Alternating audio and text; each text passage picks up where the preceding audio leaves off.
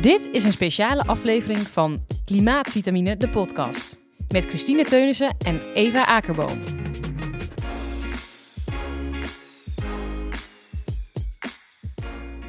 Welkom bij de speciale aflevering van Klimaatvitamine.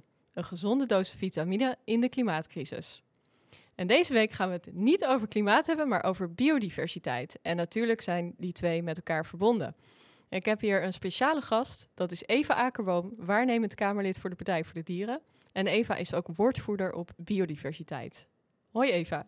Hoi Christine, dankjewel. Leuk dat ik hier uh, vandaan aan mag schuiven. Ja, zeker, want uh, het is uh, belangrijk om daar nu even aandacht voor te vragen, want de biodiversiteitstop is gaande. Kun je uitleggen wat dat is? De biodiversiteitstop is eigenlijk net als de klimaattop, die wel heel bekend is, een hele internationale bijeenkomst waarbij uh, leiders van landen over de hele wereld bij elkaar komen om afspraken te maken over biodiversiteit. Er schuiven ook wetenschappers aan en ja, dat is gewoon een heel grote bijeenkomst. En uh, ja, eigenlijk moeten we alles op alles zetten dat daar nu hele goede afspraken uitkomen. Ja, want er staat ook een plaatje hier achter ons. Dan kun je zien dat het steeds slechter gaat. Dat het vroeger heel veel verschillende planten- en diersoorten hadden. En dat het nu langzamerhand veel minder wordt. En we zitten zelfs in de zesde uitstervingsgolf nu, veroorzaakt door de mens. En die kaart voor de mensen die luisteren.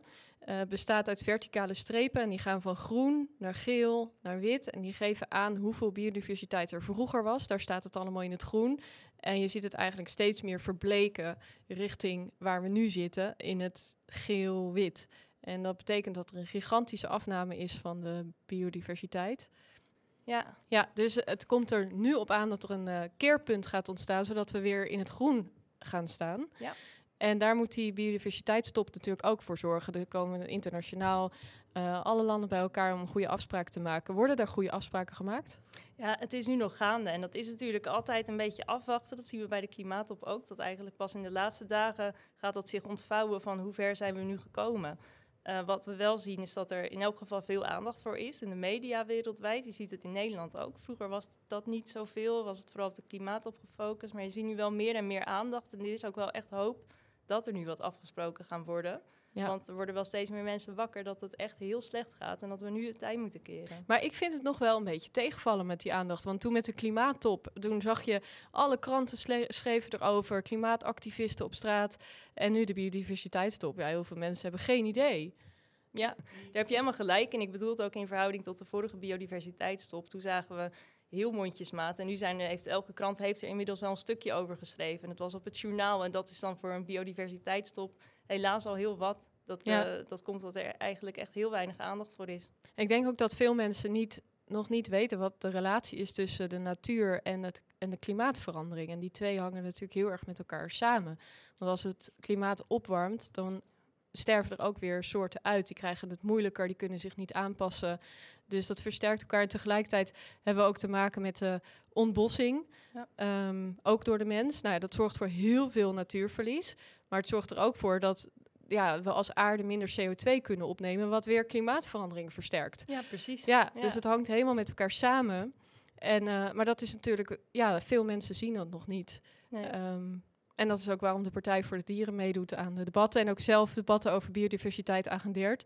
Ja, debatten over de biodiversiteitstop hebben we al gehad. Daar hebben we ook gehamerd op, op waar moet Nederland op gaan inzetten en dat soort zaken. Ja, dat heeft dan nu niet zo heel veel zin meer. Uh, wat we morgen gaan vooral over gaan hebben, dat is uh, de Europese Natuurherstelwet. Dat is uh, voor Europa een hele grote kans om de biodiversiteit te herstellen.